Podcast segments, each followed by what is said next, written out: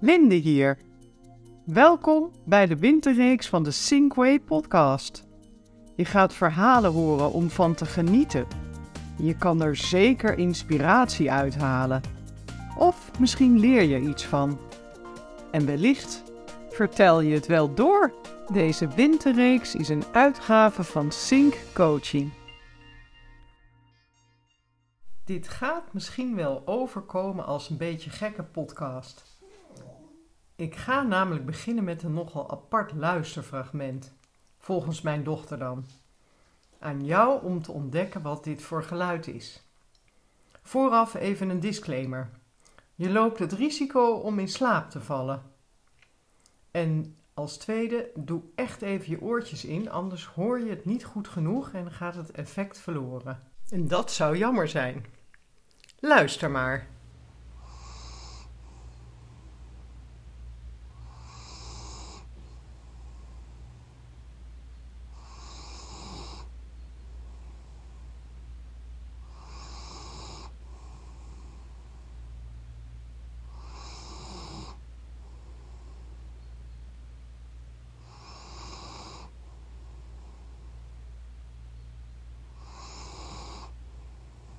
En werd je er een beetje rustig van? En er is ook nog een lange versie die je kunt gebruiken als je niet in slaap kunt vallen of even een rustmomentje wil inbouwen. Dus weer is wat anders dan een meditatiemuziekje en het werkt echt. Ik word er in ieder geval instant rustig van. Ben benieuwd of je het al geraden had. Want je hoorde net het intense gesnurk van Moon.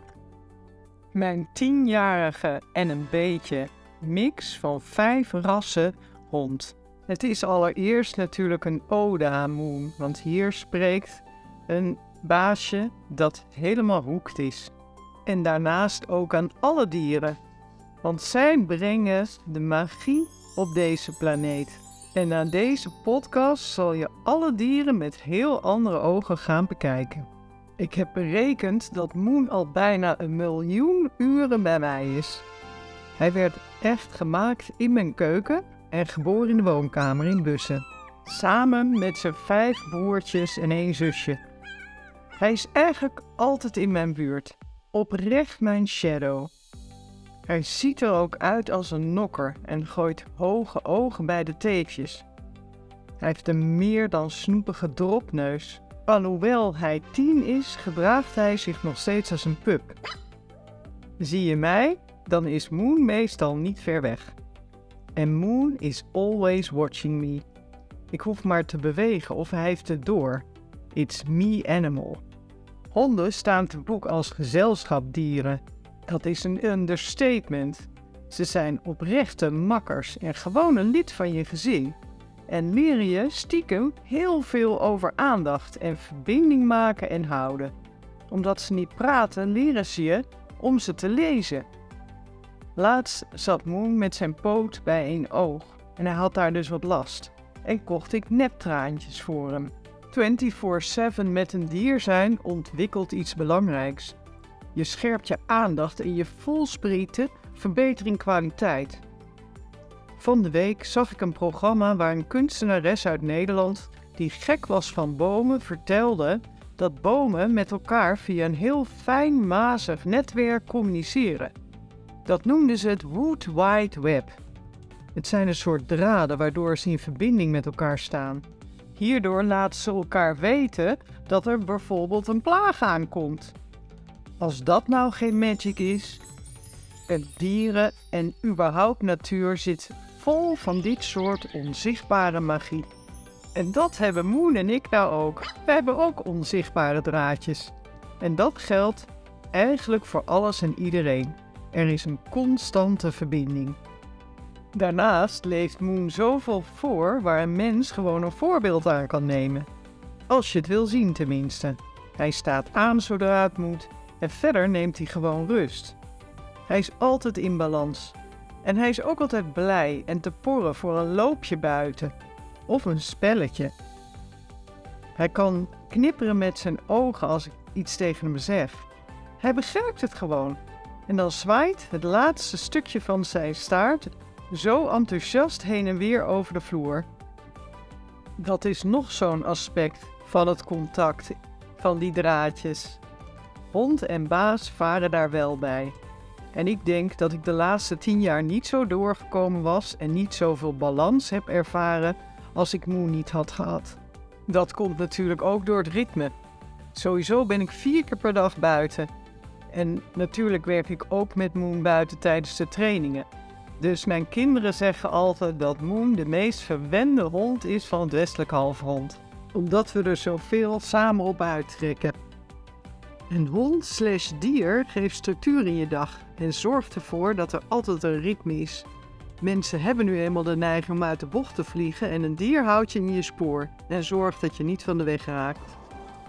En dan nog te spreken over de rust die er van een dier uitgaat. Ik heb ook nog 18 jaar een kat gehad, Kater, die er nu helaas niet meer is. Als je alleen al keek hoe overtuigend lui die kon zijn en zich in alle overgave onbeschaamd kon liggen te slapen, totaal ontspannen. Daar kan een mens echt iets van leren. Ik kan nog uren doorgaan hierover, maar nu even terug wat jij hiermee zou kunnen. Want wie weet heb je geen hond of dier en je denkt je nu, wat moet ik hiermee? Het gaat over dat onzichtbare web en de communicatie die hierin plaatsvindt. En dat heb je ook met je vriend, vriendin, man, kinderen en collega's. En niet te vergeten de natuur. Daar kan je elk moment iets aan beleven. Dieren laten ons dat constant zien op subtiele wijze. En als je daar meer oog voor gaat hebben, dan ga je echt leven. Je krijgt namelijk grip op de kwaliteit van die verbinding. De natuur, of het nu bomen, dieren of planten zijn. Het zijn hoogst volwaardige en nodige partners in ons bestaan. Essentiële companions. Laatste belangrijke toevoeging wil ik nog wel doen. Dit is absoluut niet bedoeld als een promotie om een hond of kat te nemen. Dit communiceren via dat web, die onzichtbare draadjes, kan je met alles en iedereen doen. Dit netwerk staat altijd aan, met wie je dat dan ook wilt. En een huisdier heeft recht op een weloverwogen keuze en niet omdat je dat gehoord hebt hoe leuk dat is via een podcast. Dit was het weer voor vandaag. Ik maakte met veel plezier deze aflevering en wens dat je er iets mee kan. Je weet, ik ben te vinden op social media onder de Synkway podcast. Vergeet je vooral ook niet te abonneren. Dan hoef je er niet één te missen. Klik hiervoor op de knop volgen onder de afbeelding van deze podcast. Daar vind je ook het e-mailadres. Natuurlijk kan je zo ook een persoonlijke afspraak maken. Of als je vragen hebt. Ik hoor je graag, je bent altijd welkom. Leuk dat je luisterde. En ben je er de volgende keer weer bij? Zou ik top vinden.